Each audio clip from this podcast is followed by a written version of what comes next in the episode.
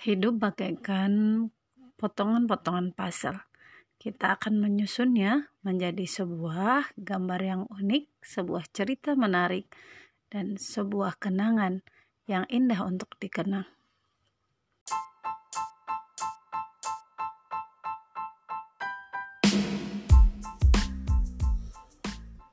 Assalamualaikum warahmatullahi wabarakatuh.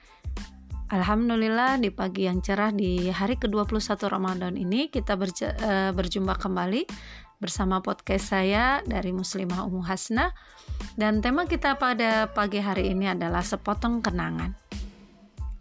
Sahabat, hidup kita memang seperti susunan dari kepingan-kepingan puzzle. Dan kepingan-kepingan takdir itu akan menjadi satu rangkaian, satu cerita yang indah, satu gambaran yang indah, dan kita akan menerima kisah itu semua catatannya di yaumil akhir kelak. Maka yang bisa kita lakukan sekarang adalah mengupayakannya agar menjadi takdir yang paling baik untuk kita. Saya akan menceritakan kembali kejadian pada masa lampau yang kalau kami kenang itu menjadi sepotong kenangan yang sangat indah. Dahulu di tahun 2005, sekitar 15 tahun yang lalu, saya satu kos dengan Teteh Yana. Teteh Yana ini sebenarnya adalah adik tingkat saya. Cuman karena dia dari Bandung, maka dia dipanggil sebagai Teteh Yana. Dan di waktu itu kami satu kos di suatu malam kami lagi duduk-duduk berdua, uh, berdua di kamar, kami makan Uh, dan saat obrolan makan itulah obrolan itu mengalir luar biasa. Kami membayangkan masa depan kami nantinya. Di antaranya, uh, saya menyampaikan bahwa ya Nian nanti Mbak Imah pengennya suatu hari nanti bisa berumah tangga dengan sederhana, uh, kemudian suami Mbak Imah bisa berdakwah dari satu kampung ke kampung yang lain. Uh, tidak menggunakan sarana transportasi yang wah gitu ya dengan kesederhanaannya. Dan Teteh Yana sebagai sahabat ya saya menimpalinya begini. Ih, Mbak Imah mengimpi sok gitu. Namun ngimpi mah yang bagus lah, yang bagus sekalian, yang enak sekalian. Emang kenapa gitu? Saya jawab gitu. Dijawab lagi sama dia. Yen mah, Yana mah pengennya nanti kalau udah berumah tangga bisa punya usaha yang maju, bisa punya karyawan, bisa menyantuni anak yatim, bisa membagi-bagi harta Yena untuk banyak orang, dan harta itu bermanfaat. Saya nggak mau hidup teh susah terus, ya karena memang potongan kisah hidupnya luar biasa Yena ini. Dan saya masih jawab lagi, gak apa-apa lah Yen, hidup sederhana. Yang penting hisap di akhiratnya ringan. Di tahun 2006 saya lulus kuliah, Yana masih lanjut kuliah ya, karena Yana belum lulus dan masih harus beberapa semester lagi untuk lulusnya. Dan sesudah itu saya melanjutkan kembali ngambil akta 4 di Jogja juga. Di tahun 2007 itu saya ngambil akta 4 dan tahun 2008 saya melamar kerja ada sebuah lowongan pekerjaan yang besarnya paling ukurannya sekitar 3 kali 4 3 kali 5 cm.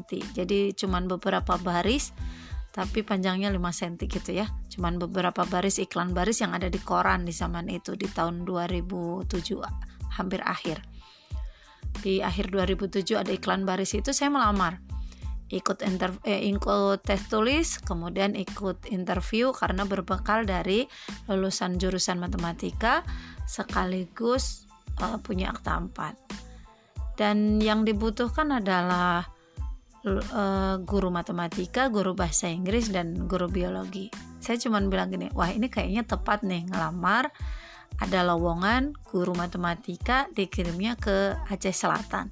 Sekaligus lah untuk merantau ke tempat yang lain, cari pengalaman, dapat pekerjaan, cari wawasan baru mumpung masih muda. Hitungan saya seperti itu. Hingga akhirnya saya keterima Februari 2008 saya berangkat. Yana masih di Jogja. Februari 2008 saya berangkat dan Masya Allah ya, ternyata kisah selanjutnya tuh cukup panjang saya akhirnya memang menikah dan luar biasa. Setelah 15 tahun sekarang memang kisah hidup kami itu kalau kami ingat-ingat kembali dengan potongan kenangan yang dulu itu waktu kami ngobrol berdua sama Yana itu itu memang betul-betul seperti mirip. Tahu nggak? Yana itu sekarang Teteh Yana itu sekarang punya usaha dapur karuhun dia punya usaha fried chicken siap saji gitu ya uh, bersama suaminya.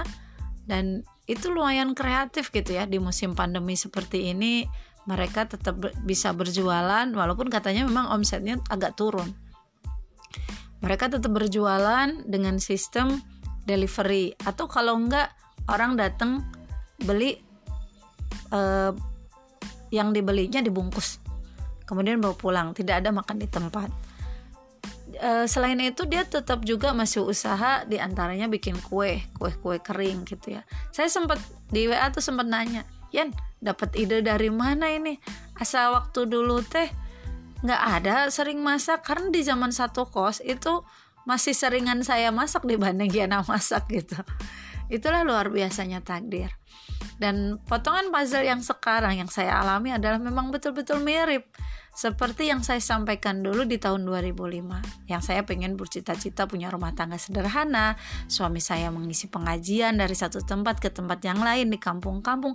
Itu memang benar-benar kami alami sejak tahun 2008 di bulan Oktober kami menikah ya. Di, ta, di tahun 2008 Oktober saya menikah. Memang suami saya itu tugasnya adalah mengisi pengajian dari satu kampung eh, ke kampung yang lain di daerah-daerah yang lumayan di kampung di pedalamannya Aceh gitu ya. Bukan pedalaman banget sih tapi di pesisir pantai barat itu. Itu sering beliau naik sepeda motor malam-malam pergi ke sana ke sini. Itu sejak tahun 2008 dan akhirnya ketika saya pindah ke Bandung pun ke kampung suami itu juga memang betul-betul kampung gitu. Kami tinggal di suatu perkampungan yang uh, misalnya di diukur dengan usia saya satu kampung kami ini yang seusia dengan saya yang kuliah angkatan 2001 itu belum ada uh, perempuan atau anak gadis yang seusia saya dulu itu ikut kuliah. Itu kan menandakan bahwa memang kami sekarang ini tinggalnya adalah di suatu perkampungan yang benar-benar di agak terpinggir gitu di wilayah Kabupaten Bandung ini. Dan di yang lainnya saat kami misalnya ngobrol-ngobrol, saya ngobrol-ngobrol dengan mertua saya, dengan mama, dengan papa yang ada di sini, itu memang di tahun 1998 aja mereka masih pergi-pergi itu misalnya mau pergi ke pasar kecamatan gitu masih banyak yang berjalan kaki Padahal di wilayah yang lain kayak di daerah saya tahun 98 itu udah banyak banget sepeda motor. Apalagi kalau dibandingkan Jakarta kan memang pasti jauh banget ya. nah, itulah sebabnya saya menyampaikan bahwa ini adalah sepotong kenangan yang nantinya akan jadi basel yang luar biasa. Dan hikmah lainnya memang hati-hati dengan ucapan kita. Ucapan adalah doa. Assalamualaikum warahmatullahi wabarakatuh.